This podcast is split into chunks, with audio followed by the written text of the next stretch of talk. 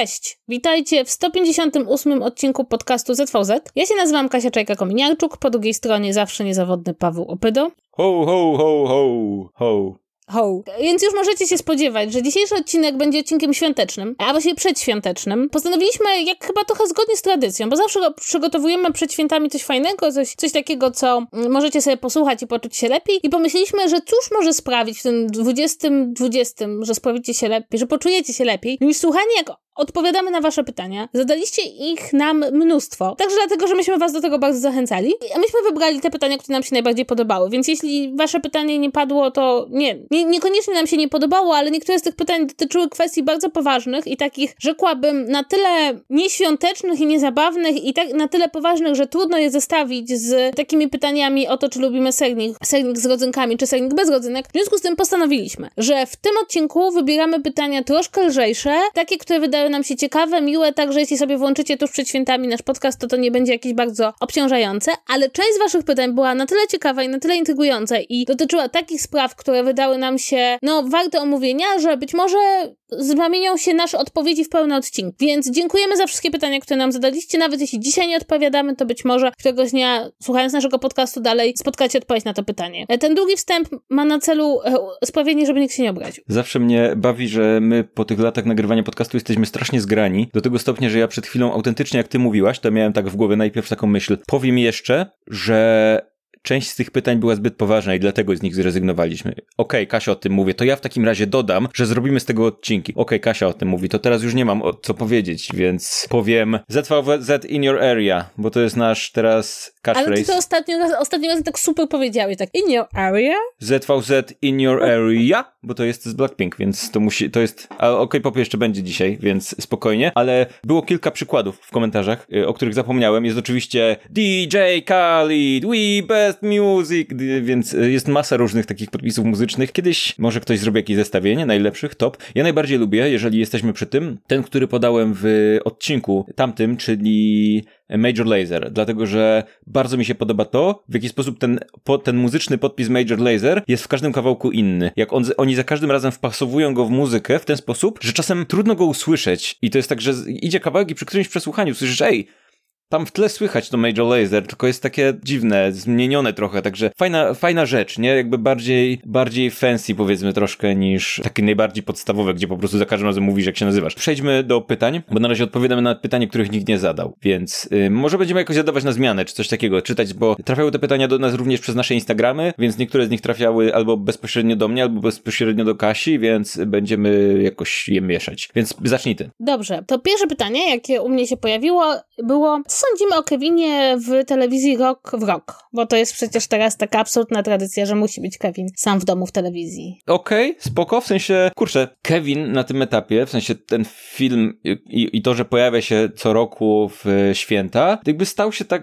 siłą rzeczy, stał się taką, takim rodzajem tradycji jakiejś, nie? To nie jest coś takiego, do czego wiesz, siadasz i oglądasz, czekasz na to, czy coś takiego, ale byłoby trochę inaczej bez święta bez tego, nie? Jakby to jest kwestia przyzwyczajenia. Myślę, że nikt tego nie ogląda gdzieś na takiej samej, na takiej zasadzie, że wiesz, kurczę, czekamy, że już nie pamiętam tego Kevina z zeszłego roku. Trochę jest tak, że on leci, bo podejrzewam, że dużo ludzi po prostu włącza w tym czasie telewizję i on sobie po prostu gdzieś tam leci w tle, ale ludzie pamiętają mniej więcej z grubsza o co chodzi, ale to jest element jakiejś tradycji. Nie wydaje mi się to w żaden sposób szkodliwe czy przeszkadzające, czy coś takiego i, i zwykle tak jest chyba z tradycjami, że po prostu powtarzamy w kółko to samo, dlatego, że nam przypomina o czymś, co, o czym chcemy pamiętać. A wydaje mi się, że to też jest o tyle interesujące, że z roku na rok, wiesz, oglądasz jednym okiem gdzieś tam nawet patrząc na tego Kevina, widzisz jak dużo rzeczy się zmienia. Widzisz jak gdzieś zupełnie inaczej działa scena z Donaldem Trumpem w Kevinie w Nowym Jorku. Widzisz, jak ten humor się trochę starzeje i zaczyna być coraz bardziej przaśny i, i tak dalej, i tak dalej. Przypominasz sobie, jak ci aktorzy wyglądali wtedy. Kurczę, jest to jakaś taka sympatyczna rzecz. Nie jestem to nie jest tak, że wiesz, o kurczę, czekam jakoś niesamowicie, jak, jak to będzie, no ale kurczę, fajnie, spoko, okej. Okay. Nie mam żadnych większych emocji do tego w jedną ani w drugą stronę. Ja przyznam wam się do czegoś szczerze, ja w ogóle nie oglądam Kevina, obejrzałam go kilka razy w swoim życiu, ale nigdy nie, był to, nie była to część u mnie tradycji rodzinnej, oglądanie Kevina samego w domu i też nigdy nie miałam takiego poczucia, że bez Kevina nie ma świąt, bo u mnie jakby, no jest taka zasada, że w święta się, w Wigilię się w ogóle właśnie nie włącza telewizora, w święta nie za bardzo, ale w, obecność tego Kevina jako tego elementu tradycji tradycji, no to to jest przypomnienie, że każde święta tak naprawdę nie są tylko odtwarzaniem tradycji, ale jest coś takiego jak czas świąteczny, który tak naprawdę my się staramy zawsze przeżyć ten sam dzień. To jest jakby zawsze ten sam dzień. Tak, tak działa czas świąteczny w takim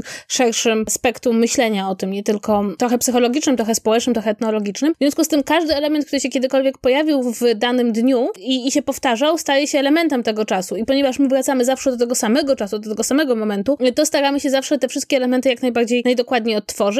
Zapewniam was, że ta tradycja związana z Kevinem to jest dokładnie, patrzymy jak rodziły się tradycje, które dzisiaj wydają nam się zupełnie oczywiste, kiedy ludzie dodawali kolejne rzeczy do świętowania, ale już potem wracali do nich rok w rok. Więc no wydaje mi się, że to jest bardzo śmieszne i wydaje mi się też, że to jest bardzo ciekawe, że, że to jest takie polskie, że są, że na przykład Amerykanie mają swój własny film świąteczny i to Wonderful Life, a mamy Kevina samego w domu i, i to nie jest zwyczaj ogólnoświatowy, więc mnie to też bawi, że to akurat jest polski zwyczaj. Ciekaw jestem, jak ta tradycja, powiedzmy, rozwinie się, tak? Bo to jest coś historycznie bardzo nowego, nie? A zastanawiam się, czy na przykład, jeżeli ludzkość nie upadnie, to za 500 lat będą, będzie, wiesz, jakaś taka w tej części świata, albo nie wiem, na planecie zajętej przez Polaków, bo Polacy będą mieli osobną planetę w galaktyce. Oczywiście, Najlepszą. Oczywiście, ale osobną. I na tej planecie będzie taka tradycja, że każdego roku idziesz do sąsiada i bijesz go żelazkiem albo coś takiego. I nikt nie wie, z czego to się wzięło, ale każdy to robi co rok. Bo tak, i, i to po prostu, z, wiesz, z, z, wyewoluuje w ten sposób. I tak to będzie wyglądało, nie? Na przykład. Być może. Może będzie tak, że wiesz, że tak jak te, są teraz te szopki, które odtwarzają to, co się wydarzyło za czasów Jezusa, to będą takie przedstawienia, które będą odtwarzały krok po kroku Kevina samego w domu. Kevina samego w domu. Cudowne. E, dobra, kolejne pytanie. Nadal trzymające się blisko tematu świątecznego. Ulubiona potrawa wigilijna. Moją ukochaną potrawą wigilijną jest coś, co wydaje mi się jest dosyć ekscentryczne z punktu widzenia reszty Polski. Otóż u mnie w domu na Wigilię są pierogi z grzybami i to nie jest bardzo dziwne. Natomiast one nie są gotowane, tylko są smażone. I są absolutnie przepyszne. I ja po prostu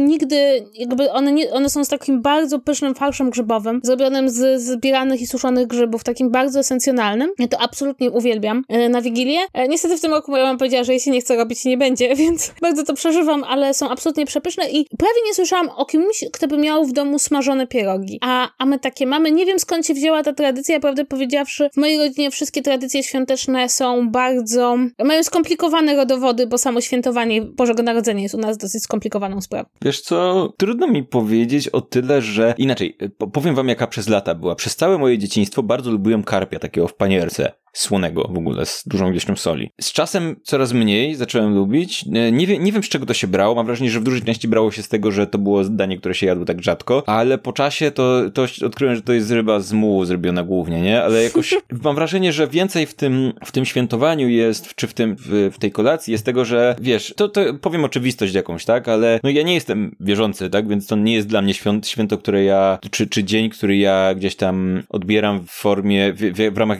nie wiem, mojej wiary czy czegoś takiego. Dla mnie to jest perspektywa tego, że troszkę dalsza rodzina może nie dalsze to jest za dużo powiedziane, tak, ale moja najbliższa rodzina plus siostra mojej mamy plus babcia i tak dalej, i tak dalej. Zbieramy się, głodujemy przez cały dzień, a potem sobie spokojnie, długo jemy obiad, rozmawiamy i tak dalej, i tak dalej. Obiad, kolację jemy i sobie, i sobie rozmawiamy. I tak naprawdę te dania są tam drugorzędne, zawsze są te same, zawsze to są dania, których rzadko jadam, to są jakieś łazanki czy coś tam z jakiś, jakieś pierogi, tak jak mówisz, jak ten, ten karp nieszczęsny, który po prostu jest złożony z soli i zawsze muszę zjeść te dwa kawałki, tak żeby okej okay było, ale moją ulubioną potrawą wigilijną na tym etapie jest głód po prostu, bo jak nie jesz cały dzień, to potem zjesz cokolwiek, nie? Może być, nie, nieważne. O mój Boże, jak to zabrzmiało biednie, moją ulubioną podkawą wigilijną jest głód. Ale tak, głód to ten magiczny składnik, który sprawia, że wszystko jest dużo, dużo smaczniejsze. Słuchaj, Pawle, to kolejne pytanie, trochę wychodzimy z takiego typowo e, wigilijnego świata, a wchodzimy w świat dorosłości. Jaki jest twój ulubiony palnik na e, kuchence? Zauważyłem, zacząłem się nad tym zastanawiać w momencie, w którym usłyszałem to pytanie, jak wcześniej przeczytałaś mi je i zauważyłem, że tak, u mnie w domu teraz, kiedy mam, mam blat po prawej stronie od kuchenki, to jest prawy dolny, ale w moim domu rodzinnym i potem w mieszkaniach, w którym mieszkałem, w którym miałem po lewej stronie, to był chyba lewy górny z jakiegoś powodu, a nie lewy dolny, lewy górny konkretnie, więc nie, więc to jakoś dziwnie działa. Myślę, że to, to ma związek z czymś, Zawsze to był lewy górny w momencie, jak miałem po lewej stronie stanowisko, jak po prawej stronie prawy dolny. Ale myślę, że jakbym się przestawił na inne, to nie zrobiłoby mi do jakiejś wielkiej różnicy. Zakładam, że to jest po prostu, nie wiem, może to jest pierwszy, z którego skorzystałem losowo po prostu i potem już zawsze z tego, bo nie chciałem się zmieniać i nawet o tym nie wiem, że tak robię. E, mój ulubiony palnik na kuchence to jest lew dolny. E, wydaje mi się, że dlatego, że on ma, on jest największy, przynajmniej był w wielu kuchenkach, z których korzystałam i w związku z tym można tam było robić rzeczy najszybciej. Przy mojej cierpliwości do robienia czegokolwiek w kuchni to był, to był mój ulubiony. Zresztą zgadzam się, że też blat był tak ustawiony, że było to najwygodniejsze z tego punktu widzenia. Więc, więc tak. Ale jest to podobno jedno z tych pytań, jeśli masz odpowiedź i nie musisz się nad nią zastanawiać, to podobno to świadczy o tym, że już człowiek jest dorosły, już minęła mu radość młodości. Patrzę na moje kolejne pytania, które tutaj się pojawiają i to jest, o, to jest pytanie, które jest ciekawe, dlatego, że wybrałem je po to, żeby na nie nie odpowiedzieć, tylko żeby powiedzieć coś innego i pytanie brzmi, jakie są wasze ulubione świąteczne dzieła popkultury, więc odpowiedz najpierw ty, a potem ja powiem coś bez związku. Kurczę, świąteczne dzieła popkultury. Powiem szczerze, że tak, że jednym z, jakby jedynym filmem, który tak naprawdę bardzo, bardzo lubię oglądać i ma wyjątek świąteczny, to jest Spotkajmy się w St. Louis i to jest musical, który zresztą omawiałam w moim innym podcaście e, i tam jest bardzo fajny segment świąteczny. A i lubię jeszcze Sklep za rogiem, czyli ten oryginalny film, na podstawie którego powstało Mam Wiadomość. E, natomiast ja oglądam wszystkie możliwe filmy świąteczne, ale nie jestem do nich emocjonalnie zupełnie przywiązana. Ale mogłabym powiedzieć, że czasem lubię rzeczywiście w grudniu obejrzeć hallmarkowy film świąteczny, przy czym jakby nie traktuję tego jako film konkretny, tylko jako pewną realizację pewnej formuły. Nie wydaje mi się, żebym miał jakiś ulubiony film świąteczny ale nie pamiętam, czy o tym mówiłem już w podcaście. Wydaje mi się, że nie, ale jakiś czas temu nadrobiłem film, który jest przez wielu uważany za ulubiony film świąteczny i którego nigdy nie widziałem, co kiedyś doprowadziło do pewnych kontrowersji w tym podcaście, mianowicie Szklaną Pułapkę. To był film, którego ja bardzo długo, ja tak wyszło, że po prostu go nie widziałem, a potem jak już go nie widziałem, to po prostu to było takie, wiedziałem, że to jest coś, co jakby kulturowo jest na tej takiej mojej, jak to się mówi, stosie wstydu, czy czymś tam, że wypada to znać, bo to ma istotny wpływ na to, jak wygląda kino dziś, ale ale cały czas to było takie, okej, okay, jak już tego nie znam tak długo, to czy jest po to sens sięgać jeszcze? I obejrzałem w końcu i dotarło do mnie, że kurwa nie było, szczerze mówiąc. W sensie super, fajny film i to jest tak, że nie wiem, jakie są, jest twoje zdanie. I ja, ja jestem pewien, że to jest naprawdę fajny film, że to jest dobry film, ale oglądanie go dziś po raz pierwszy, to jest za późno już trochę, nie? W sensie, to jest tak, że ja, ja mogę na bazie mojej wiedzy filmów patrzeć na to i jakby teoretycznie wiedzieć, okej, okay, to i to i to w inny sposób przedstawiało nie wiem, bohatera filmowego, że to jest już taka, takie post-kino z tymi, wiesz, umieśnionymi bohaterami, że teraz mamy tego bohatera, który krwawi, który musi kombinować, który nie jest, wiesz, tym gościem, który rozwala drzwi Arnoldem i nawala granatnikiem, że to, że to jest koniec pewnego nurtu w kinie takim popularnym, a trochę innego i tak dalej. Ja to wszystko wiem, spoko, ale żyję już w innych czasach i ciężko mi jest się przestroić i stwierdzić, o kurczę, ale to jest super, bo takie było. Cię, jakby ciężko mi, nie, nie jestem w stanie jakby nagle się przenieść w tamte czasy i odbierać to w taki sposób. Więc obejrzałem to z takim poczuciem, okej, okay, no film taki 90sowy, no rzeczy się dzieją, fajnie, fajnie, no okej. Okay. I zupełnie zapomniałem, więc kurczę, to jest jeden z tych przykładów rzeczy, do których zakładam, że jeżeli ktoś ma te uczucie, że ten film jakby mm, zrobił mu te wszystkie rzeczy, które miał zrobić wtedy, kiedy powinien, no to może do niego wracać z przyjemnością, ale obejrzenie go po raz pierwszy w życiu tak późno było dla mnie obojętne w zasadzie na tym etapie, więc nie mówię, że to jest zły film, nie mówię, że coś jest z nim nie tak, nie mówię, że ci ludzie się mylą, wręcz przeciwnie, ja rozumiem, dlaczego to ma tak działać, po prostu przez to, jak późno na ten film trafiłem, no to, to już to jest mój report z tego, bo wiem, że na pewno część ludzi czekała na to, co w końcu powiem, jak obejrzę. No okej, okay, no spoko, był film właśnie tam.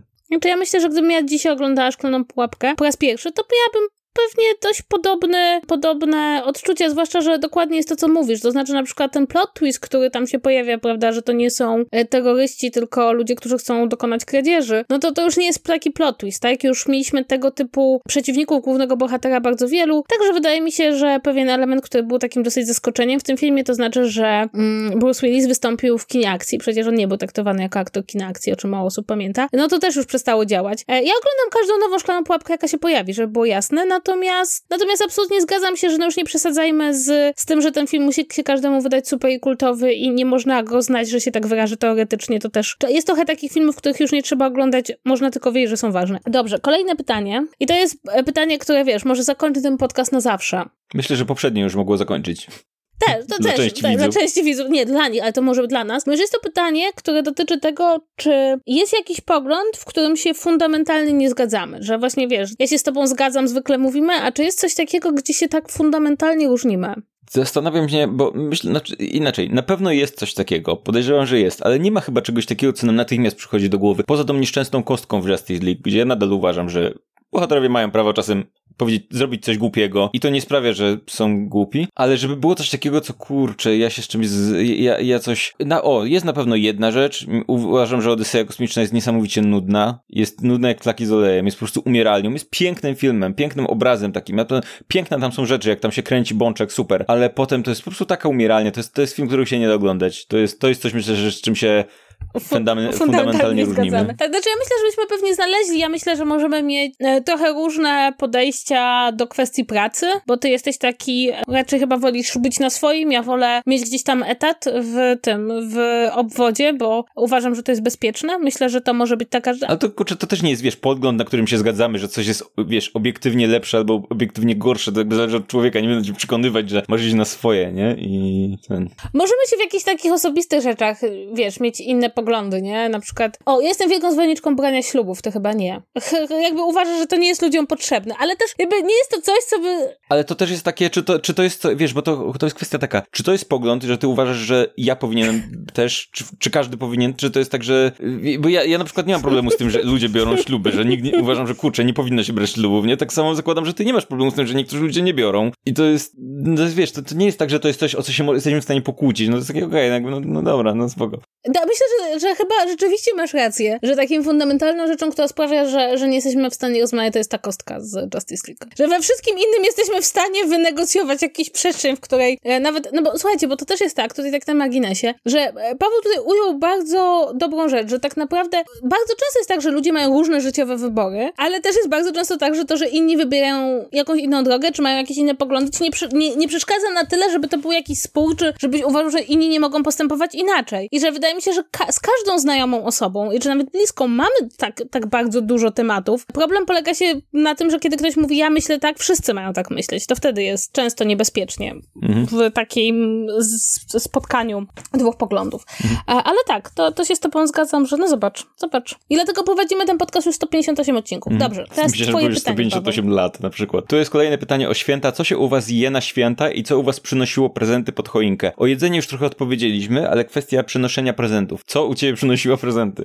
U mnie w domu prezenty przynosili rodzice. Moja mama powiedziała, że kiedy mój starszy brat był malutki, myślała, że może będzie mu mówiła o Mikołaju, po czym mój brat się tak strasznie rozpłakał, kiedy zobaczył na ulicy, że dwóch Mikołajów, że miałam doszła że, do wniosku, że to jest tortura, żeby dziecku coś mówić, a potem mu to zabierać, a potem po, stwierdziła, że zaeksperymentuje na mnie i powie mi, że Mikołaj przynosi prezenty, ale podobno moje podejście do tego było tak sceptyczne, że do wniosku, że nie da się mnie wmanewrować w taki pomysł, ale tak naprawdę od pewnego momentu moja mama była głęboko przekonana, bo moja mama podejmowała wszystkie decyzje wychowawcze, że że bardzo dobrze jest uczyć dzieci, że prezenty przynoszą rodzice i angażować je także w proces kupowania prezentów. Na przykład moja mama bardzo dużo ze mną rozmawiała o tym, co kupimy mu tacie, co kupimy mojej babci. E, bardzo dużo też rozmawialiśmy o tym, co my możemy przygotować. I ostatecznie myślę, że to było bardzo fajne doświadczenie dzieciństwa, kiedy na przykład wiedziałam, że kupiliśmy jakiś bardzo fajny prezent mojemu tacie i mogłam patrzeć, jak tata się cieszy i wiedziałam, że, że była to jakaś decyzja, którą podejmowaliśmy w ramach rodziny. A do tego wszystkiego moja mama wtedy jakby uczyła nas, jak kupować prezenty. Mówiła nam, że musimy dużo słuchać, co ludzie do nas mówią, że czasem właśnie najlepszy prezent to jest coś, co ktoś wspomni pół roku wcześniej, a zapamiętasz e, i to wtedy nie musi być duża rzecz, ale może sprawić olbrzymią przyjemność. I myślę, że myślę, że to było bardzo fajne. Ja mam bardzo, bardzo miłe wspomnienia właśnie ze świąt, kiedy wiedziałam, że coś fajnego jest i nawet jeśli to nie był prezent ode mnie, to czułam się w jakiś sposób współ, współodpowiedzialna za, za te decyzje i było to bardzo fajne. Więc u mnie nie było żadnego gwiazdora, żadnego e, Mikołaja, tylko po prostu było wiadomo, że sobie kupujemy wzajemnie prezenty. U mnie generalnie, e, jak byłem mały, mały, no to była,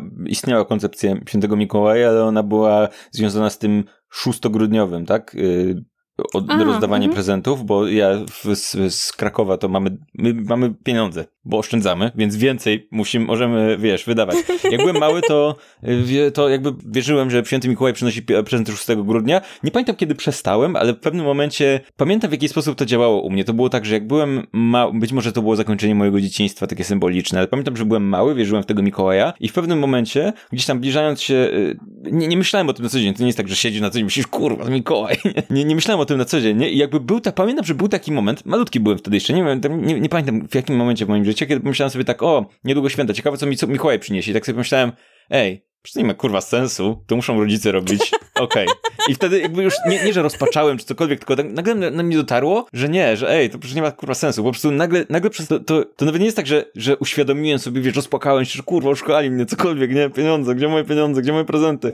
Nie, nie, nagle po prostu dotarło do mnie, że ej, nie, kurwa, już nie, przecież to nie ma sensu, że aha, i jakby przeszedłem z tym do porządku dziennego, że okej, okay, to rodzice, spoko. Ale jeżeli chodzi o już gwiazdkę samą, to zawsze to było tak, że po prostu prezenty dajemy sobie nawzajem i tyle, jakby nigdy tam nie było konceptu gwiazdy z kosmosu, która przynosi prezenty, albo Krzysztofa Krawczyka, czy co tam, że Gwiazdor, jak już słyszę Gwiazdor, myślę Krzysztof Krawczyk. To dla mnie oczywista sprawa. Więc to jest dobra koncepcja, że Krzysztof Krawczyk wchodzi do twojego domu w nocy i zostawia prezenty pod choinką, nie?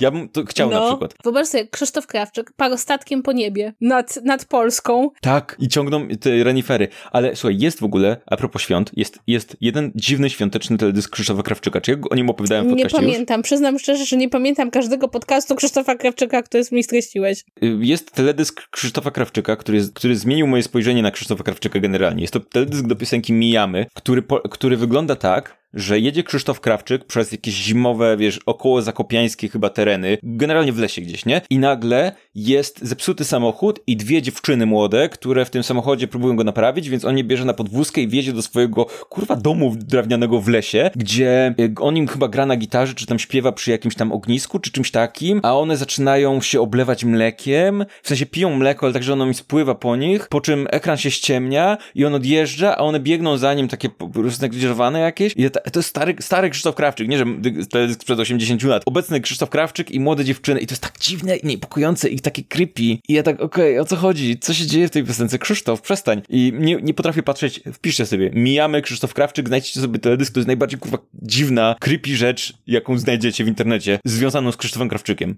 Ja nie umiem patrzeć na Krzysztofa Krawczyka normalnie w w, od, od, tego czasu, więc troszkę mi zniszczyło to Krzysztofa, więc... Ale są takie części Polski, w których Krzysztof Krawczyk zakrada się przez okna i go zdaje dzieciom prezent. E, dobrze, to teraz ja mam kolejne pytanie. Czy lubimy Makłowicza? I ja bym chciała odpowiedzieć jako pierwsza, ponieważ ja muszę ci przyznać, Pawle, że coś się w ciągu ostatnich dwóch miesięcy stało, że jak nie mam filmiku Makłowicza do obejrzenia, to jest mi smutno. Jakby moim największym świętem tygodnia jest jak Makłowicz rzuci nowy filmik. I ja trochę nie wiem, nie wiem na czym to polega, ale mam wrażenie, że jakby on jest taką moją kotwicą, która trzyma mnie z normalnością, która sprawia, że w, tych, w tym momencie, zwłaszcza teraz w grudniu, kiedy jakby naprawdę zaczyna mi być przykro, że prawda, nic nie działa tak jak działało, to sobie myślę, no dobra, jest niedobrze, nie jest fajnie, a potem jest Makłowicz, już mi jest dobrze. Z powrotem myślę sobie, że, że będzie kiedyś normalnie. Powiem szczerze, ja oczywiście rozumiem sentyment Makłowicza wynikający z tego, że on zawsze był w telewizji, ale kurczę, wiesz, ja nigdy nie miałam ochoty oglądać tam tych podróży kulinarnych z Makowiczem, jak, e, jak byłam dorosła i on leciała w telewizji. A teraz jak on jest na YouTubie, to mam takie, takie dobre dla mnie. I, i napisałam o tym cały wpis, ale trochę nie rozumiem mojego emocjonalnego przywiązania do tych treści. Mam wrażenie dlatego, że one są takie mieszczańsko niezmienne. I, i to jest taka moja uwaga. Wiesz co, ja jestem zafascynowany tym, jak bardzo Makłowicz i ten jego format się wpasowały w internet. Tam na początku było trochę inaczej, nie? Ale jak sobie prześledzisz pewne rzeczy, powiedzmy, w internecie, to mam wrażenie, że nasze, nasz, nasze polskie vlogi podróżnicze i mam wrażenie, że epoka tych nowoczesnych vlogów około podróżniczo, około rzeczowych w Polsce zaczęła się od yy, Krzyśka Gonciarza w tak. Japonii. Tak. Mhm ma wrażenie, że one czerpały tak w połowie z Casey'ego Neistata, a połowie z, w połowie z Makłowicza. A to jest nie? ciekawa teoria, ale wrażenie, zgadzam że... się z tobą, że one coś miały z tego takiego, o, trochę takiej e, gadki, a trochę takiego właśnie kulturowego, a trochę jedzenia, to prawda. Tak, trochę, trochę, przy tym to wszystko się miesza, dlatego, że Casey Neistat jakbyś, e, tak pół żartem to mówię, bo jakbyś zobaczył Casey'ego Neistata czy tak dalej, no to tam też jest pełno jedzenia i takich rzeczy, można, to nie tak, że on oglądał Makłowicza i się wciągnął, nie, czy coś tam, ale, ale pokazuje to, że, że jakimś cudem format, ten istniejący od w telewizji format Makłowicza był dużo wcześniej bardzo bliski obecnemu formatowi internetowemu takich właśnie vlogów podróżniczo, ciekawostkowo, kulinarno, gdzie się jeździ trochę, pokazuje, ale jedzenie to też pokazuje trochę kulturę, pokazuje trochę miejsce, ale jedzenie to też jest element tego wszystkiego, trochę się żre, trochę się opowiada coś tam. I to w internecie wybuchło i wybuchło nie tylko w Polsce, więc to nie ma jakby bezpośredniego związku z Makłowiczem, ale generalnie się nagle okazuje, że ten Makłowicz lata temu robił to samo w telewizji, więc jak się to nagle przeniesie na YouTube'a, to to nadal pasuje. Okej, okay, to jest trochę mniej memiczne, nie ma takiego typowo internetowego humoru. Uważam, że paradoksalnie Makłowicz mógłby, że najlepszym, co mogłoby powstać, to byłby kolab Makłowicza z Krzysiem Gonciarzem. Albo z jego montażystami przynajmniej. Niech chłopaki tam usiądą i po prostu, wiesz, żeby tą stylistykę taką trochę bardziej podkręconą z taką pod mhm. internet, wiesz, podkręconą jakościowo, też te szerokie, szerokokątne obiektywy, fajna muzyka i tak dalej, i tak dalej. Czasem troszkę takie, taki ironiczny humor i tak dalej. Dodać do tego, co robi Makłowicz świetnie już i troszkę to dodać tej internetowej dynamiki. Myślę, że to byłby prawdziwy hicior, Co nie zmienia faktu, że i tak jestem pod wrażeniem tego, jak Robert Makłowicz w tym niezmienionym praktycznie formacie pasuje do internetu, bo to jakby nie świadczy o tym, że to, to w tym wypadku nie świadczy o tym, że on się tak dobrze dostosował do internetu, tylko o tym, że ten jego format był tak naprawdę dobry sam w sobie już wcześniej, tak? Bo jest, myślę, że jest mało rzeczy, zwłaszcza trwających tyle lat, które mogłabyś przenieść bezpośrednio z internetu do, z telewizji do internetu i by nadal dobrze działały, a tu nagle się okazuje, że wow, działa, nie? I więc super to jest. I to przepadam też za Robertem Mokowiczem, wydaje się bardzo sympatyczny, więc y, to spoko. Był ostatnio w Poznaniu. Tak, wiem. I był moich znajomych w ogóle w, w knajpie. Tak, widziałam, widziałam, tej... też pamiętam, tak, więc było bardzo fajnie. Dobra, to teraz twoje pytanko jakieś? Tak, moje kolejne pytanie. O, tu są dwa pytania, które są bezpośrednio do mnie, ale pozwolę sobie na nie odpowiedzieć i tak. Pierwsze pytanie to jest jak to się zaczęło z tym K-popem, a drugie pytanie to jest która postać i która, e, która piosenka i która postać z KDA to twoja ulubiona dlaczego? To też jest pytanie o K-pop. Więc odpowiem na nie zbiorczo, zwłaszcza, że na te drugie średnio mam odpowiedź, yy, dlatego że generalnie kwestia jest taka, że i teraz pewnie dla części widzów to będzie nowość, jeżeli nie śledzicie mnie na Twitterze. Jak śledzicie, to na pewno wiecie. Generalnie kwestia jest taka, że jak wiecie, teraz zrobię troszkę, troszkę background tego, e, a ty się ewentualnie odniesiesz. Ostatnio zacząłem się zastanawiać nad fenomenem K-popu jakiś czas temu, dlatego że uważam, i to chyba się pojawiło kiedyś w podcaście, a przynajmniej o tym wiele razy mówiłem, czy pisałem gdzieś w internecie, uważam, że generalnie K-poperki to jest najlepsza grupa społeczna, jaka istnieje wśród młodzieży, bo chociaż mają wszystkie, nastoletnie K-poperki mają wszystkie, i mówię teraz stuprocentowo poważnie, mają wszystkie wady wady nastolatków, jakie mają nastolatki. Ale to jakby, to się wiąże z byciem nastolatkiem. To jakby te, nie ma co tego roztrząsać. Nastolatki są nastolatkami, tak? Ale jednocześnie to jest grupa społeczna wśród nastolatków, która jest wychowana w ramach tego, że są zafascynowani w jakiś sposób kulturą, która jest daleka od nas i jednocześnie ta kultura jest często wyśmiewana w jakiś sposób i często jest celem jakichś rasistowskich na przykład ataków albo, albo rzeczy w rodzaju TVN i wiesz, kontra BTS, nie? I przez to ci ludzie nagle są wychowani w, w jakby mają taką wbudowaną w siebie tolerancję z jednej strony, a z drugiej potrzebę walki o o godność, to, tą wiesz, tych ludzi z innych krajów tak naprawdę i to, żeby wszyscy siebie nawzajem szanowali. Zwłaszcza, że ludzie zafascynowani gdzieś tam kulturą Dalekiego Wschodu często długo byli, wiesz, byli tą wyśmiewaną grupą, tak? Jak jacyś, e, jakieś te wszystkie mangozjeby i tak dalej, i tak dalej. O kurczę, jakie to śmieszne, bo ktoś tam lubi, e, wiesz, azjatyckie zespoły, lubi anime czy cokolwiek takiego. Teraz to już jest mainstream, ale te, ta cała grupa wyrosła na byciu wyśmiewaną, na ho, ho, ho, żarty, bo Azjaci śmieszni, coś tam, coś tam. I myślę, że to dało im dużo pozytywnych cech. I też widać to po różnych akcjach, które są organizowane w internecie, również właśnie antyrasistowskich, jakichś, czy generalnie feministycznych i tak dalej, i tak dalej. Akcjach, gdzie, gdzie nagle w centrum tego wszystkiego jest grupa K-poperek, które to spierdalają internet. Więc ja super to doceniam, uwielbiam to. I więc w pewnym momencie, i to, to był przydługi wstęp do tego, żeby w pewnym momencie stwierdziłem, dobra, sprawdzę o co chodzi z tym całym K-popem. Co tam się dzieje w ogóle, nie? Dlaczego ludzie tego słuchają, nie? No i jakby mój pomysł był taki, żeby sobie po prostu przesłuchać parę rzeczy i zobaczyć, czym ta muzyka się odróżnia, na czym polega i tak dalej. I kurczę, wsiąkłem na maksa. W sensie, nie powiem, że jestem ekspertem od K-popu, to nie, nie, nie jest absolutnie tak. Podejrzewam, że liznąłem w tym momencie troszeczkę, ale kurczę, to jest naprawdę świetna muza i naprawdę fantastyczne rzeczy tam są. I, i doceniam bardzo K-pop za to, że to jest muzy muzyka, która wiesz, jest daleko wschodnia, ale jest bardzo popularna na zachodzie i na Bliskim Wschodzie.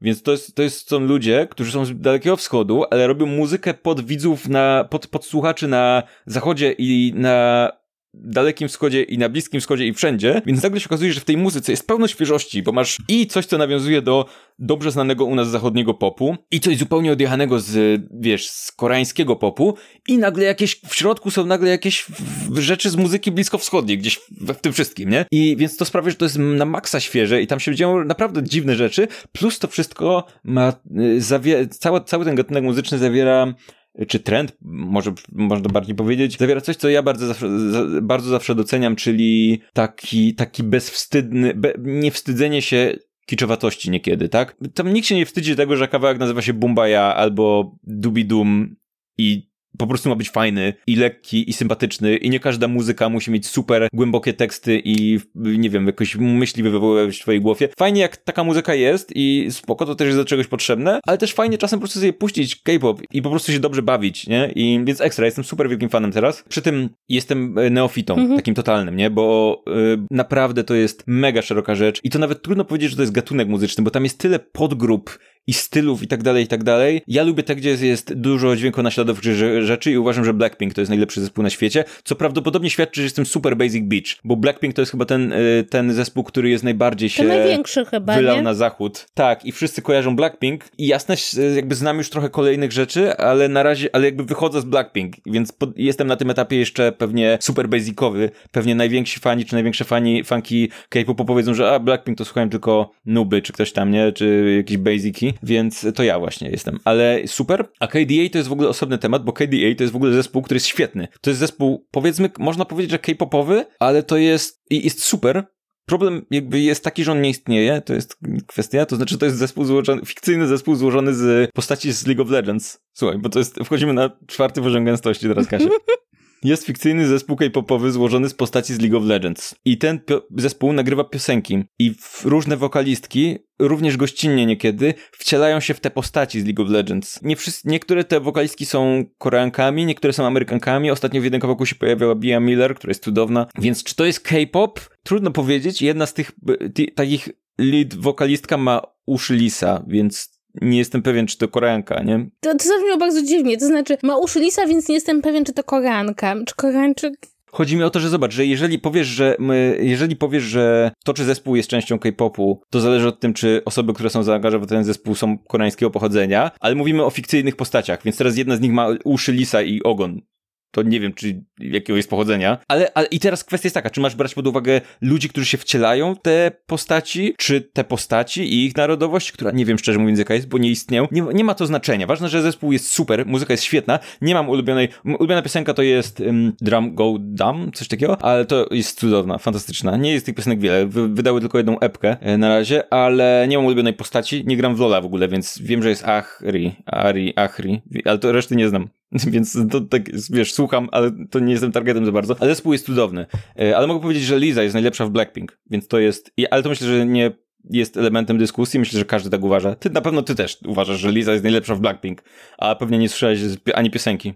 Słyszałaś jedną piosenkę z Blackpink tak, na pewno? Tak, słyszałam, e, słyszałam z dwie, ale ogólnie uważam, że jesteś bardzo fajną K-popelką, taką, pasujesz do tego. Nie, ale powiem ci szczerze, że tyle się nasłuchałam o tym, jaka to jest fajna muzyka od różnych osób i też trochę jakby czytałam o tym, bo oczywiście co ja, o, nowy gatunek muzyczny, poczytam o nim. Czytałam o tym, czy ty, o, widziałam teledyski, bo też mi się wydawały bardzo takie wizualnie ciekawe i no, oni się tam uczą tego tańca tam od dziecka, więc one są naprawdę świetnie zatańczone, więc myślę, że na tle tego, co się bardzo często dzieje w muzyce popularnej, gdy gdzie te rzeczy się nie fajnie, jakby, nie to nie, że nie fajnie słuchają, ale czasem są nudne, a czasem te teledyski nie są ciekawe, to nie dziwię się, że to, że to ludzi przyciąga. Dobrze. Teraz będzie kolejne pytanie. E, pytanie, które wydaje mi się jest też trochę bardziej do ciebie niż do mnie. E, ewidentnie bardziej fascynujesz ludzi. I jest to pytanie, czy wierzymy w jakieś ale to czekaj, ty dostałaś pytanie do mnie? Dostałam pytanie, czy wierzymy w, czy wierzymy w jakieś teorie spiskowe. I myślę, że, że nikt nie, chyba nikt nie podejrzewa, że ja wierzę w jakąś teorię spiskową. Bo to ty jesteś e, prowodorem teorii spiskowej w naszym podcaście. Mm, ja chciałabym powiedzieć, że nie, że nie wierzę w teorie spiskowe, ponieważ e, do, do, dość dobrze znam mechanizm działania teorii spiskowych społecznych, żeby wiedzieć, że nie ma w co wierzyć. Natomiast wierzę w coś, co nie jest teorią spiskową, ale nikt o tym nie mówi. To znaczy uważam, że zdecydowanie za mało się mówi o tym, jak, no, jak Rosja i Kreml wpływają na politykę europejską i światową, bo jakby wszyscy o tym wiedzą, ale wszyscy to traktują jako taki element, no, no, no trochę jakby właśnie to była teoria spiskowa. E, I trochę mnie to denerwuje, bo widzę we współczesnej polityce europejskiej bardzo dużo wpływów rosyjskich, z którymi nikt nic nie robi. I, I mam właśnie wrażenie, że dlatego, że ludziom to za bardzo przypomina teorię spiskową. A tymczasem to nie jest teoria spiskowa, bo mamy dowody na to, że rzeczywiście to się dzieje i nikt nie wyciąga wobec tego konsekwencji. Więc to jest jakby, nie wierzę w żadną teorię spiskową, natomiast wierzę w rzeczy, które się rzeczywiście dzieją, a przez wiele osób są traktowane jako teoria spiskowa. O, w ten sposób. Podejrzewam, że żeby odpowiedzieć prawidłowo na to pytanie, to musiałbym dowiedzieć się, jaka jest tak naprawdę definicja teorii spiskowej. Bo generalnie nie wierzę w teorie spiskowe. Jeżeli zdefiniujemy teorie spiskowe jak jak coś, co ktoś sobie wymyślił, że mogłoby być prawdą i nie ma większych dowodów i tak dalej, i tak dalej, okej, to są bzdury. Przy tym jednocześnie zawsze trzeba brać pod uwagę to, że myślę, że możemy bezpiecznie założyć, że nie wiemy wszystkiego o świecie, w sensie jakby było na tyle dużo różnych afer związanych z, nie wiem, rządem amerykańskim na przykład, że na pewno są jakieś rzeczy, o których szeroka opinia publiczna nie wie e, i może kiedyś się dowie, ale może się nigdy nie dowie, co nie, spra- nie sprawia, że powinno się wierzyć w jakieś teorie spiskowe, bo to zwykle jakby to nie świadczy o tym, że jest wiele rzeczy, o których opinia publiczna nie wie, a wie o tym na przykład, nie wiem, rząd Stanów Zjednoczonych, Polski, cokolwiek, również międzynarodowych, o międzynarodowych relacjach i tak dalej, i tak ale to jeszcze nie, nie jest dowodem na to, że można wymyślać randomowe rzeczy i dopasowywać je jakoś tam do siebie. W ogóle śmieszne jest to, na przykład, moje, moją ulubioną, ulubionym przykładem jest 5G i teoria spiskowa, ale w tym wszystkim jest jedna prawdziwa rzecz, mianowicie to, że kto wymyślił tę teorię spiskową i dlaczego. No bo jakby wiemy o tym, że i to ja w ogóle polecam, może prawdopodobnie zapomnę, ale wpiszcie w Google New York Times 5G Russia i znajdziecie bardzo e, rozbudowany artykuł o tym, w jaki sposób generalnie Rosja chce, żeby, żebyśmy wierzyli w to, że 5G jest szkodliwe i w jaki sposób Rosja próbuje rozpowszechniać teorię spiskową o tym, że 5G jest szkodliwe, po to, żeby uzyskać coś na arenie międzynarodowej. To jest fascynująca rzecz, tak? Więc nagle się okazuje, że teoria spiskowa jest elementem faktycznie istniejącej i nie będącej teorią spiskową jakiejś tam wojny informacyjnej, powiedzmy, między krajami. No więc to jest w ogóle to jest ciekawy temat, skąd się biorą teorie spiskowe, jakby jak odróżnić coś, co może mieć jakieś podstawy od czegoś, co absolutnie nie może mieć żadnych podstaw i jakby myślę, że to jest te, te ciekawy temat do rozmawiania, zwłaszcza w sytuacji, w której wiesz, w internecie tak łatwo jest,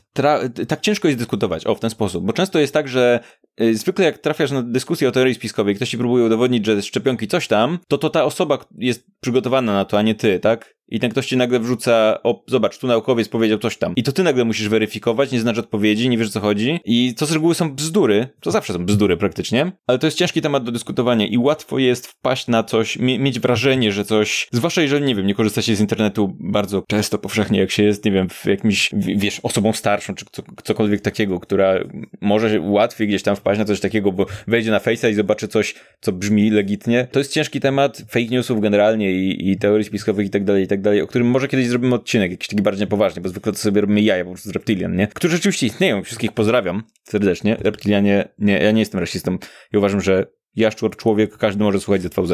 Więc to była jakaś odpowiedź. Nie wierzę generalnie w żadne. Jaszczur człowiek jedna godzina. Dobrze. Kolejne pytanie, które ja dostałam. E, które swoje działalności w sieci nawzajem śledzimy? Więc ja od razu chciałabym powiedzieć, że ja bardzo śledzę Twittera Pawła. Uważam, że Paweł prowadzi jednego z lepszych Twitterów w polskim internecie. Głównie dlatego, że mam wrażenie, że jesteś jedną z tych osób, która zrozumiała, że Twitter nie służy wyłącznie dzieleniu się głębokimi przemyśleniami, ale także właśnie takimi trochę randomowymi uwagami dotyczącymi życia codziennego, czy dotyczącymi jakichś takich uwag kulturowych, czy, czy czasem nawet politycznych. I mam wrażenie, że twoje tweety dużo bardziej przypominają mi to, co się dzieje na Twitterze na zachodzie, gdzie ludzie jakby tak po prostu piszą różne rzeczy, czy rozkminy, które mają w głowie niż niektóre Twittery w Polsce, które są takie mega poważne i, i ktoś, nie wiem, jakby mam wrażenie, że mnóstwo osób w Polsce na Twitterze próbuje się kierować jako specjalistów i wdawać się w jakieś skomplikowane dyskusje społeczno-polityczne, do czego Twitter nie jest stworzony i one są tam bardzo, bardzo nudne, więc zawsze jak tweetujesz, to sobie czytam, bo wydaje mi się, że to jest zawsze ciekawe, bo, bo jest zwykle, jest zwykle dobrze dostosowane do medium, więc, więc ja śledzę mhm. cię na Twitterze i, i uważam, że bardzo to jest fajne i też polecam wszystkim innym. Yes! Yy, bardzo dziękuję. Generalnie ja śledzę chyba Kasię wszędzie poza jej podcastem o musicalach, gdzie nie słuchałem jeszcze ani żadnego jednego odcinka. Usłyszałem kawałek chyba pierwszego odcinka, gdzie miałem wrażenie, że nie wiem, chyba jedna z osób prowadzących była bardzo cicho albo coś takiego i pamiętam, że przerwałem. Obiecałem sobie wrócić kiedyś do tego, ale ja, nie, ja tylko, tylko Hamilton, więc ja nic nie wiem, nie wiem co się dzieje. Więc, o co to jest? To są jakieś inne musicale? Naprawdę? Więc dla mnie to nowość była, więc już się dowiedziałem czegoś. Znaczy, ale, ale powiedzmy, że, że ten, ten musical jest totalnie niszowy. To znaczy, on jest śmieszny w ogóle, to taka mała uwaga. On jest absolutnie totalnie niszowy. Ja mam wrażenie, że e, po pierwszych dwóch tygodniach zaczęli go słuchać wszyscy ludzie, którzy mogą go w Polsce słuchać, ale jednocześnie, przez to, że moja współprowadząca Patrycja Mucha jest filmoznawczynią i zna środowisko filmoznawcze, to chyba po siedmiu odcinkach zostałyśmy nominowane do nagrody za najlepszy filmowy podcast w Polsce i zajęłyśmy drugie miejsce. Więc wiesz, więc jakby to jest taki podcast dla takiego bardzo wąskiej grupy osób, ale, ale się dobrze bawimy. Kto zajął Pierwsze miejsce. Michał Oleszczyk ze swoim podcastem Spoiler Master, który bardzo polecam, bo jest fantastyczny. Michał Oleszczyk jest wykładowcą filmu na Uniwersytecie Warszawskim. E, przemiłym człowiekiem i krytykiem filmowym, naprawdę dusza człowiek. I on prowadzi podcast o różnych filmach, bardzo różnych, od klasyki po, ma cały odcinek z bardzo ciekawą na przykład analizą Dnia Niepodległości. I to jest kwestia taka, że jakby to się nazywa Spoiler Master, bo to chodzi o takie omówienia filmów, które są no ze spoilerami. I to jest bardzo, bardzo, bardzo polecam, bo to nie są recenzje, to są takie e, właściwie radio eseje, powiedziałabym, bo nie wideo eseje, na tematy, do których się super przygotowuje i to jest bardzo ciekawe i też ten dobór filmów jest fantastyczny, bo jest od takich niesamowitych klasyków e, do, do właśnie, no chociażby Dnia Niepodległości, tak? Czyli takiego filmu, który wszyscy widzieliśmy w, gdzieś tam w kinie, a on na przykład podaje jakąś taką e, element tej narracji dotyczącym powiedzmy e, tego, że tam świat świat ratują czarnoskóry bohater z bohaterem Żydem i jak się przedstawiały na przykład relacje żydowsko-czarnoskóre w kinematografii amerykańskiej. Więc, więc jest bardzo, bardzo dobry podcast, naprawdę. To jakby e, Szapoba jest naprawdę świetny pomysł na ten podcast i, i rzeczywiście się nie dziwię, że on zyskał nagrodę. Chciałem powiedzieć, że w takim razie polecamy podcast Szapoba. To jest ulubiony podcast Kasi.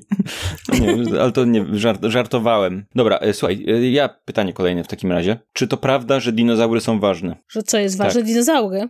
Moim zdaniem dinozaury są najważniejsze. Nie, no, znaczy dinozaury super generalnie. Nie, nie mam nic więcej. Ja, ja wierzę w dinozaury, że one żyją dalej. W sensie, że ja, ja ptaki nazywam dinozaurami. No, no jakby, wiesz, patrzysz na kurczaka i myślisz sobie, ha, T-Rex, kto jest teraz na wierzchu? Wiesz co, kurczak, jakbyś ogoliła kurę, to, w sensie nie, nie, nie, da się ogolić chyba piórnie, to musiałabyś ją w, oskubać, to by bole, oskubać to, by, to by bolesne było dość, nie? Więc nie róbmy tego po prostu. To jest lepszy pomysł. Ale podejrzewam, że ten T-Rex po prostu to jest wielki kurczak, nie? W sensie, wiesz, jak przyjrzysz się T-Rexowi, to widzisz, że on jest wielkim kurczakiem. Ale super, generalnie ekstra. Ja uważam, że są ważne, ważne są w ogóle wszędzie dla kina. Wszyscy fascynowali się dinozaurami. Jest coś w tych dinozaurach takiego, w wielu aspektach ważne są, w, wiesz, kwestia poczucia czasu nawet, tego jak one długo, gdyby nie upadek dinozaurów, to Ziemia wyglądałaby dziś zupełnie inaczej. Dziś na przykład mo może na przykład bylibyśmy dinozaurami my i prowadzilibyśmy podcast no, ja o dinozaurach. Myślę, A wiesz, jaki to byłby, jakie to byłoby dziwne, bo na przykład jakbym był T-Rexem, to miałbym takie małe łapki, to jakbym mikrofon do pyszczka podstawiał. Musiałbym mieć taki dziwny mikrofon, w takim, na takim wysięgniku musielibyśmy mieć, wiesz, na, i nie byłoby tych, wiesz, kijków do selfie, tylko byłyby mikrofony takie na kijkach dla, do, żeby nagrywać coś, nie? Ja w ogóle, ja czasem, czasem się zastanawiam, myślę, byłbyś mięsożerny czy roślinożerny, bo ja myślę, że ja bym była takim diplodokiem.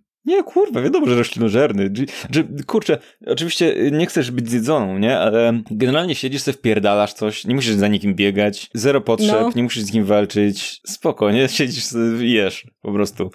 I, no, I to jest coś fajne, nie? Gorzej, że cię ten mięsożerny chcą zjeść, nie? To trochę nieprzyjemne, ale to generalnie to, to jest dokładnie jak bycie lewakiem w Polsce, nie? Też chcesz sobie tylko po prostu posiedzieć, zjeść, nikomu nie szkodzić, a ktoś chce się napierdalać kamieniami, nie? bo, bo jesteś sobą i to tyle, więc to jakby to nie różni się bardzo jakoś od nas. E, więc jeśli zastanawiacie się, jaka jest najlepsza metafora na waszej egzystencji w Polsce, to po prostu pamiętajcie, jesteście dinozaurami. Dobrze, e, słuchaj, to ja tak patrzę, bo mi się wydaje, że mi się ja skończyły pytania. Ty masz jeszcze dużo. Dobrze, to w takim razie...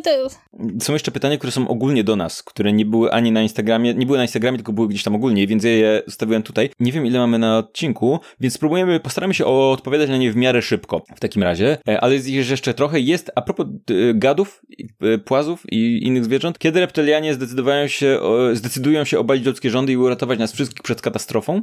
I drugie pytanie od Marty w ogóle. Co w końcu z tą Galaktyczną Federacją i reptilianami odzyskamy nasze trzecie oko? I teraz to jest mój temat, więc ja pozwolę się odpowiedzieć tak. Słuchaj, pierwsza rzecz jest taka. Ktoś pyta, kiedy właśnie reptilianie zdecydują się obalić ludzkie rządy. Kurczę, ja myślę, że Klaudia, która zadaje to pytanie, może być reptilianką. I próbuje tutaj szerzyć dezinformację, bo przecież wiadomo, że to reptilianie rządzą nami. Nie muszą obalać ludzkich rządów, bo oni nami rządzą w sekrecie. Ja myślę, że tutaj Klaudia próbuje szerzyć dezinformację i próbować nam udowodnić, że tak naprawdę to my rządzimy i to ci reptilianie to tam tylko sobie są, nic nie robią. Wiemy wszyscy, że to reptilianie rządzą nami. Co, co nie jest w sumie, z, wiesz, wyobraź sobie, że masz kurczę ludzi do rządzenia, nie? To jest słabo trochę, w sensie to jest trochę problem, nie? Bo ludzie są dość upierdliwi i cały czas wojny robią, to jakby, wiesz, takie, takie, nie wiem, dziwne dzieci troszkę, nie? Ja cały czas powtarzam, że ci reptilianie, kurczę, no wyobraź sobie, że jesteś tym reptilianinem, super zaawansowanym, czwarty wymiar, trzecie oko, szyszynka, coś tam i masz to takie stado stado ludzi, których uważasz za super prymitywną rasę, którzy się ciągle leją o coś i którzy nie mają trzeciego oka i którymi kurczę rządzisz i są twoimi niewolnikami i oni nawet nie wiedzą. Czerpiesz z nich sobie energię, a oni się napierdalają cały czas, nie? Kurczę, to jest strasznie przyjebana robota, nie? Tak naprawdę, jak sobie jesteś takim reptilianinem. Trochę głupie, nie? I teraz co? A oni, i teraz jeszcze mówią, ej, uwolnij nas, uwolnij nas. Kurczę, przecież wiadomo, że rozjebią, rozjebiemy wszystkie. Jakby nas uwolnili, jakbyśmy dostali to trzecie oko, czwarte coś tam, czy czwarte oko, nie wiem, trzecie oko, czwarty wymiar, cokolwiek, jakbyśmy przestali być uwstecznieni yy, genetycznie, czy coś tam, no to przecież byśmy, my już już rozjebujemy tę planetę, a jeszcze nie mamy oka trzeciego nawet. A poza tym chciałbyś mieć trzecie oko? Ono jest metaforyczne, to jest takie w głowie, że, nie, że masz trzecie oko, tylko że to jest oko takie, że widzisz czwarty wymiar, nie? Ale chciałbyś widzieć czwarty wymiar, mam problem z trzema wymiarami. Ja jestem zbytnio ogarnięta na czwarty wymiar. Ja nie wiem, czy można nawet podziękować, bo mi się podoba w sumie tak jak jest, jakby. Ja nie myślę, że byłoby lepiej, zgadzam się z tobą, że jakby nam otworzyć to oko, to byśmy rozjebali bardziej. Albo byśmy, nie wiem, wykluczali ludzi w czwartym wymiarze. Ale myślę, że wy, wiesz tam paradoksalnie tak mówiąc szczerze, myślę, że jakbyśmy dostali to trzecie oko, to, byśmy, to by zupełnie inaczej było. To właśnie wszyscy poczulibyśmy się jednością wielką i byśmy odkryli, że świat to tak naprawdę nie ma co się, o co się bić i byśmy wtedy stwierdzili, że jednak okej, okay, czas spokoju nadszedł. No, ale jest też drugie pytanie, co w końcu z tą Galaktyczną Federacją i Reptylianami? Bo y, w ogóle kwestia jest taka, że pan, jest pan Stanisław. Pan Stanisław niesamowita osoba, ekspert, polski ekspert od y, wszystkiego, y, trochę też rasista, nie? Ale to oni tam wszyscy tak mają. No i pan Stanisław gdzieś tak w styczniu czy coś takiego mówił, że on dostał informację, w ogóle pan Stanisław jest cudowny, bo on jest poza byciem rasistą, nie? On wymyślił określenie fakty merytoryczne, które jest moim ulubionym określeniem na świecie. To jest, to jest tak, to są fakty i są fakty merytoryczne, które są bardziej. I pan Stanisław ma taki argument, że jak on powie, że coś jest faktem merytorycznym, to mu się wydaje, że to już wszystko, już nie musi mieć dowodów żadnych, nie? To jest tak, reptilianie nami rządzą i to jest fakt merytoryczny, więc proszę tutaj nie dyskutować, tak? I to jest koniec, jakby jemu wystarczy. On uważa, że jak powie, nazwie coś faktem merytorycznym i, i pokaże, on zawsze na wszystkie te takie filmy YouTube'owe ma papiery wydrukowane gdzieś, że ktoś mu z Niemiec coś wysłał, więc wydrukował, bo to oczywiście są wszystkie te, wiesz, albo gdzieś tam z Czech, gdzieś tam, albo z Niemiec przychodzą od tych różnych dziwnych ludzi, te przetłumaczone translatorem maile o reptilianach i on to ma wydrukowane i to są fakty merytoryczne i on macha tymi papierami, on mówi, no mam to wydrukowane z Niemiec, więc to musi być prawda, nie? Z jakiegoś powodu. No i pan Stanisław powiedział, że generalnie w styczniu gdzieś tak, czy, czy nie w grudniu powiedział, że no on już ma tu informację z Niemiec, że niedługo Galaktyczna Federacja Światła przyleci wyzwolić nas spod władzy reptilian, bo reptilianom się generalnie skończyła umowa na rządzenie Ziemią. To, ale to wam kiedyś opowiadałem, nie? No i najśmieszniejsze jest to, że mniej więcej w tym czasie, kiedy on powiedział, że będą się dziać dziwne rzeczy i proszę tutaj nie panikować, to wszystko dobrze. To Galaktyczna Federacja Światła będzie nas uwalniać, nie? I gdzieś tam w, ty, w tym terminie, w którym on powiedział, że będą się dziać te dziwne rzeczy, się pandemia zaczęła, nie? Więc ja tak teraz, czy to jednak się dzieje? To reptilianie odpalili pandemię, żeby zepsuć, żeby Galaktyczna Federacja Światła nie mogła lądować statkami kosmicznymi. Więc to jest moja teoria. To są fakty merytoryczne. To mi z Niemiec napisali, więc to musi być prawda. Proszę nie dyskutować w takim razie. To masz coś do dodania w tej kwestii, w kwestii reptilian? Nie, nie, bo jakby, jakby wydaje mi się, że powiedziałeś wszystko to, co było najważniejsze. Powiedziałeś to, co było najważniejsze. fakty merytoryczne po prostu. Dalej. Fakty merytoryczne. Proste pytanie, wilkołaki czy wampiry? Wampiry. Wampiry, też tak uważam. Nie wiem, kurczę, y, z jakiegoś powodu to, ja w ogóle, być może u mnie to wynika też w dużej części z, z tego, że przez wiele lat grałem w, y, może nie często, ale miałem styczność z wampirem jako systemem RPG i tam jest ta cała, wiesz, kultura wampirów, która istnieje w podziemiu i tak dalej, i tak dalej. Wilkołak to z reguły jest ta taka dzika bestia, a wampiry mają tą taką, wiesz, mam wrażenie, że są ciekawsze w tym wszystkim, ale podejrzewam, że to troszkę jest yy, niedocenianie wilkołaków, bo myślę, że to też jest oczywiście ciekawy twór. No ja uważam, że zdecydowanie ciekawsze są po prostu wampiry w kulturze, e, przez to, że mają tak bardzo wiele reinterpretacji. Tak naprawdę spotkałam chyba się tylko z dwoma reinterpretacjami wilkołaka, które jakoś tak wyglądały dosyć ciekawie, więc po prostu ja lubię takie motywy, które dużo osób przetwarza na swój własny sposób. Jakie są dzieła kultury, których fenomenu i popularności, a niekiedy także powszechnego uwielbienia nie rozumiecie? Czy masz takie? Bo ja mam, poza tą Odyseją kosmiczną. Może tak, ja rozumiem wszystko, dlatego że spędziłam trochę za dużo czasu zajmując się patrzeniem na kulturę popularną, e, żeby było tak, że nie rozumiem, ale rzeczywiście zgadzam się z tym i, i z taką krytyką, że fakt, że film Call Me By uh, My Name, By Your Name, czyli Tamte dni, tamte noce, stał się jakimś takim uber jedynym filmem o związku jednopłciowym, jaki zna większość osób, nie zaskoczyła, bo nie był to ani najbardziej postępowy, ani najładniejszy, ani najlepszy, ani pierwszy, ani ostatni film w tym gatunku i zastanawiam się, co tutaj zaszło, że akurat ten film e, stał się taki popularny i przyznam szczerze, że trochę tego nie rozumiem, bo moim zdaniem nie, nie był o tyle lepszy od innych filmów, e, które podejmowały ten temat w takim melodramatycznym ujęciu, żeby, żeby zdobyć aż taką popularność i żeby, jak to ładnie ktoś określił, niektórzy ludzie traktowali go, lubienie tego filmu niemalże jak cechę charakteru. Więc, ale ponownie, to jest coś, czego ja nie podzielam, ale nie, że nie rozumiem, bo jakby każdy fenomen popkultury czy popkultury jestem w stanie w jakiś sposób zrozumieć. Ja w temacie świąt chciałbym wspomnieć o tym okropnym, paskudnym,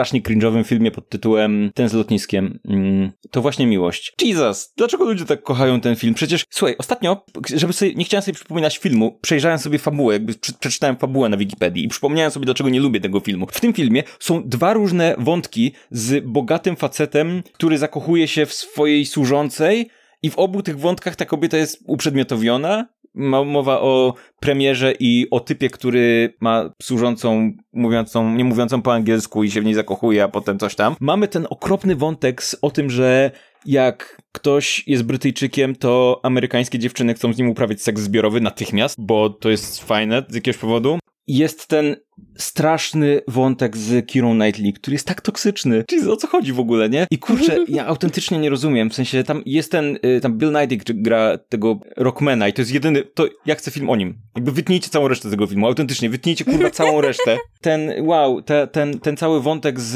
z jak się nazywa, y, Snape, czyli e, z, ten cały wątek z Alanem Rickmanem, który jest chujem wobec swojej żony, ale generalnie spoko, bo lepiej mieć takiego niż żadnego, czy coś, jakby nie wiem, nie wiem, jakiś związek. Mam wrażenie, że ten film się składa z samych okropnych elementów i z samych takich dziwnego fetyszyzowania, czasem dziwnych, cringe'owych zachowań jako romantycznych, a jednocześnie jest uniwersalnie kochany i taki o, super świąteczny film i tak dalej, i tak dalej. Doceniam jego konstrukcję, bo on jest jakby napisany dobrze w kwestii konstrukcyjnej, ale kurczę, tam jest tyle rzeczy, które tak bardzo dla mnie są okropne po prostu i tak dużo postaw, które są okropne, a jednocześnie mam wrażenie, że to jest film, który jest uniwersalnie uwielbiany i wow, to jest super, nie? Autentycznie, więc to jest coś, czego ja nie rozumiem. Chociaż ostatnio w sieci bardzo, bardzo dużo pojawiło się tekstów, które są dokładnie zgodne z twoim, z twoim odczytaniem tego filmu i mam takie poczucie, że teraz nastąpiła, nastąpiło takie odchył, to znaczy po tym, że no musisz, są święta, musisz obejrzeć Love Actually, pojawiło się coraz więcej tekstów, które zaczęły się trochę od krytykowania, zwłaszcza tego wątku z Keira Knightley i mm, z tym facetem, który się w niej kocha i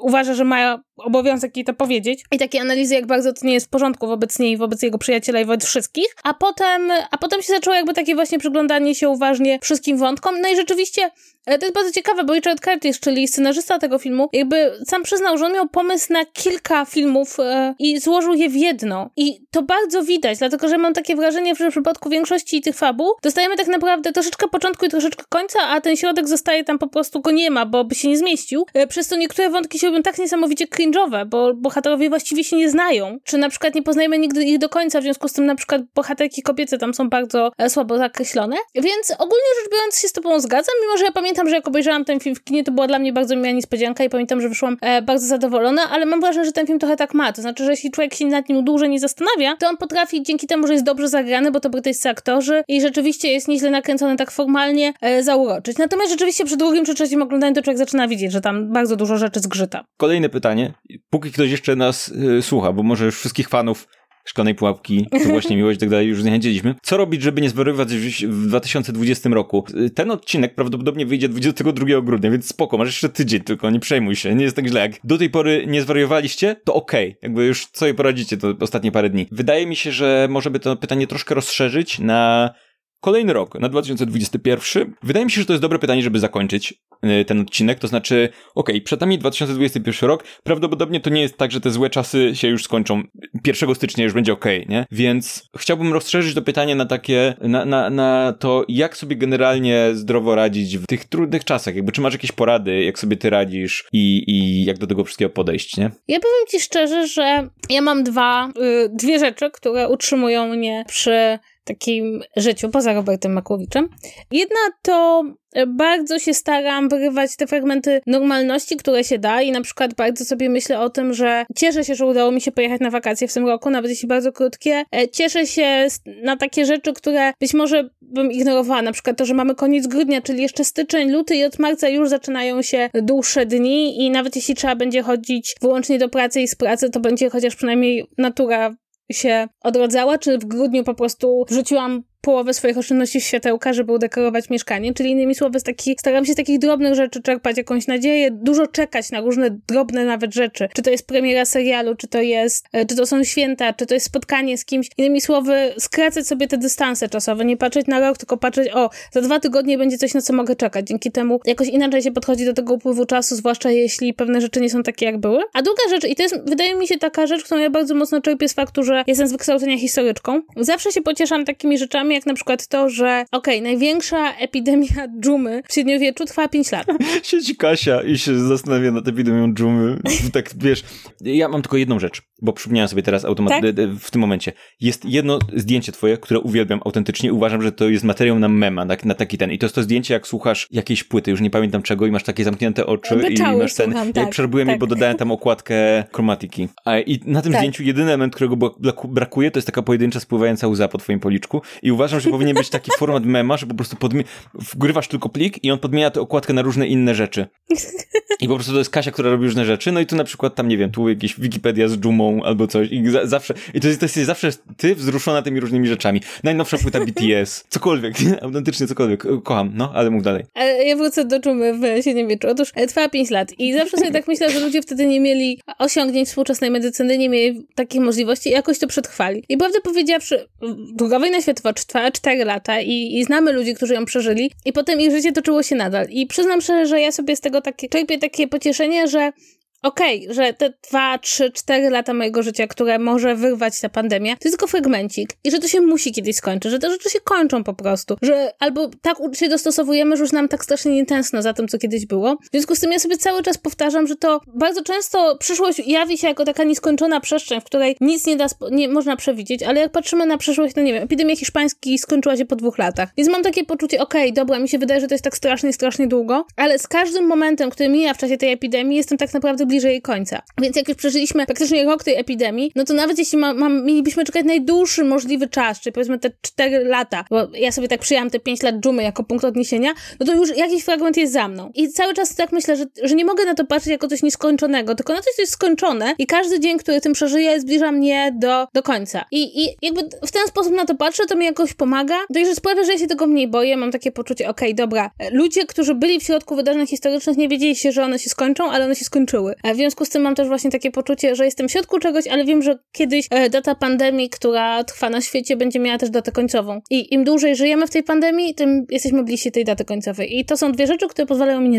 Podoba mi się, jak te odpowiedź na to pytanie pokazuje różnice między nami. W sensie jeszcze nie odpowiedziałem, ale jakby mi przychodzą do głowy takie rzeczy, wiesz, jak tu sobie poprawić humor na co dzień, nie? I, i myślę sobie, wiesz, uważam, że przede wszystkim uważam, że zdrowe jest to, żeby przy tych wszystkich trudnych sytuacjach, które mamy teraz, to nie mowa tylko o pandemii, ale też o tym, że generalnie w Polsce jest chujowo, żeby nie myśleć o tym przez cały czas. Jasne, są takie momenty, kiedy trzeba o tym pomyśleć i trzeba się powkurwiać, ale zdrowo jest nie myśleć o tym cały czas, pamiętać też o tych rzeczach, które są dobre i, nie wiem, skupić się na czymś, co, znaleźć sobie jakąś rzecz, na której możecie się skupić, która sprawia wam przyjemność. Dla mnie na przykład, ja wiem, że bardzo wyciągnęło mnie granie w D&D generalnie z depresyjnych myśli generalnie w tym roku, nie? Gdzie nagle się okaże, że okej, okay, możesz sobie czasem poświęcić swoje myśli czemuś zupełnie innemu, taki eskapizm bardzo mocny. Wiem, że też dla wielu osób na przykład ta nasza seria Mgły Ravenloftu jest czymś takim, nie? Wiele osób mówi, że okej, okay, popkultura się zatrzymała, ale mega się zaangażowali w ten, tą naszą y, historię, nie? Y, wróćcie sobie czasem do czegoś, co może lubicie z y, przeszłości, nie wiem, zróbcie sobie, okej, okay, postarajcie się nie myśleć o Twitterze, ale zróbcie sobie na przykład ponowne przeczytanie wszystkich części Harry'ego Pottera. Pewnie wiele osób robi to co roku, czy coś tam. Ja nie jestem jedną z tych osób, ale jeżeli nie robiliście tego dawno, albo cokolwiek, co nie wiem, lubiliście z dzieciństwa, wydaje wam się, że jest spoko, wróćcie sobie do czegoś, bo to jest taka kotwica, nie? Coś, co, coś, co jest znane dla was, coś, co wam się z czymś dobrym kojarzy i pozwoli wam się na chwilę oderwać. Zacznijcie czytać wszystkie, um, wszystkie książki o Herkulesie Poirot. Tam dużo ludzi umiera, ale nie na choroby, więc to spoko, nie? Ale możecie też pomyśleć o Dżumie, tak jak e, Kasia wam radzi. Usiąść sobie pomyśleć o historii, że Dżuma 5 lat trwała. To mi się podoba właśnie, że zobacz, każdy różnica między nami. Ja myślę sobie, moja myśl to jest takie, wróćcie sobie do książki z dzieciństwa, którą lubicie. Kasia, usiądźcie sobie pomyślcie, że Dżuma trwa 5 lat, więc może nie jest tak źle, że to tylko 5 lat. więc dobrze. Y, no, więc to jest, to jest myślę, że moja odpowiedź, taka troszkę bardziej przyziemna może. Nie, mi się wydaje, że tak naprawdę odpowiedzią jest połączenie naszej odpowiedzi, bo ja się z tą absolutnie zgadzam. I z tym, żeby o tym ciągle nie myśleć, bo rzeczywiście można, można zwariować i tym, żeby właśnie wracać do rzeczy, które lubimy i, i żeby szukać ucieczki i żeby bawić się w eskapizm, niezależnie od tego, jaki on będzie. Czy żeby właśnie, ja uważam, że w tym momencie gry komputerowe takie jak WoW są super, bo spędzasz czas z innymi ludźmi, ale jednocześnie jeśli moja, moja sposób radzenia sobie jest taki bardziej egzystencjalny, bo to takie, wiem, że część osób do, do, dopadają też takie lęki egzystencjalne i takie na przykład poczucie, że życie ucieka im przez palce i że mieli tyle rzeczy osiągnąć w 2020 roku, a nic się nie udało. A wtedy wystarczy spojrzeć na historię i dotrze do was, że wasze życie nie ma znaczenia żadnego tak. w perspektywie milionów lat, więc co tam ucieka? Chuj, możecie umrzeć, nie, nie ma to wpływu na nic, spoko. Więc Albo luz. też, że są takie lata w historii ludzkości, gdzie największym osiągnięciem, jakie mógł mieć człowiek, było dożycie do następnego roku. Ja nadal twierdzę, że jeśli 31 o godzinie 11.59 będziecie oddychali samodzielnie, to brawo, udało wam się osiągnąć naj, największe osiągnięcie roku 2020.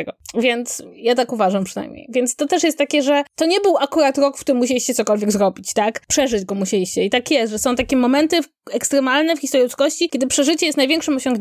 Zacznijcie słuchać K-popu.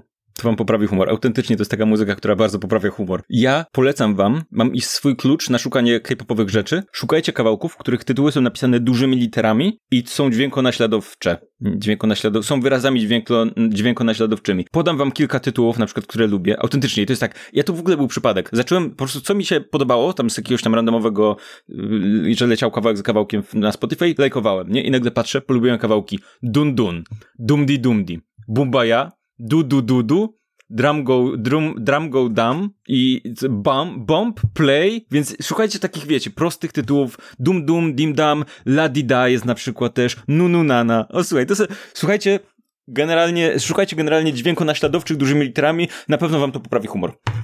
I słuchaj, to po, po, kończyłbym na tym, to jest dobre zakończenie. To, to nasza rada. Du, du, du, du, dum. Generalnie no, no, dobrze no, będzie. Jak już coś tam się zdarzy. Na, na, na. Więc ym, y, odpowiedzieliśmy na wiele pytań. Kilka ominęliśmy, więcej niż kilka ominęliśmy. Ominęliśmy trochę takich, które były cięższe, tak jak mówiliśmy, ale to co mówiliśmy, wrócimy do nich może w, y, w odcinkach. Sorry, jeżeli nie odpowiedzieliśmy na wasze pytanie, ale po prostu no już mamy godzinę 10 na liczniku. Ale może zrobimy kiedyś jeszcze jakieś Q&A w ramach sezonu albo coś takiego, albo nie wiem, noworoczne Q&A 1 stycznia. Może po prostu będzie będziemy, o, może będziemy robić tak, że zawsze będzie, będziemy robić listę pytań i zawsze na koniec każdego odcinka będziemy odpowiadać na jakieś pytanie albo dwa, albo coś takiego, takie losowo od was. I to jest nowy pomysł na format. Zobaczymy. Robimy teraz przerwę, więc jak wrócimy, to może wrócimy z nowymi pomysłami. Tak, i chcielibyśmy wam życzyć wszystkiego najlepszego z okazji świąt, ale w ogóle z okazji spotykania się z rodziną lub nie spotykania się z rodziną, ale próby przetrwania tych świąt w jakiejś fajnej atmosferze. Mamy nadzieję, że wszyscy dotrwacie do nowego roku zdrowi, cali i że być może jakiś ten element tych świąt, czy to związany ze spotkaniem z rodziną, czy to związany z prezentami, czy z tym, że będziecie po prostu mieli wolne od szkoły i pracy, czy studiów, e, będzie dla was miły i jeśli możemy, to życzymy wam wszystkiego najlepszego i mamy nadzieję, że będzie jakoś lepiej troszkę, chociaż pewnie się nic nie zmieni o, o, o, północy w... No już jeden ten straszny 2020 rok będzie za nami i to jest przynajmniej jedna z tych rzeczy, w którą możemy się pocieszać. To wszystko w tym tygodniu. Do usłyszenia po przerwie. Pa, pa! Żegnajcie.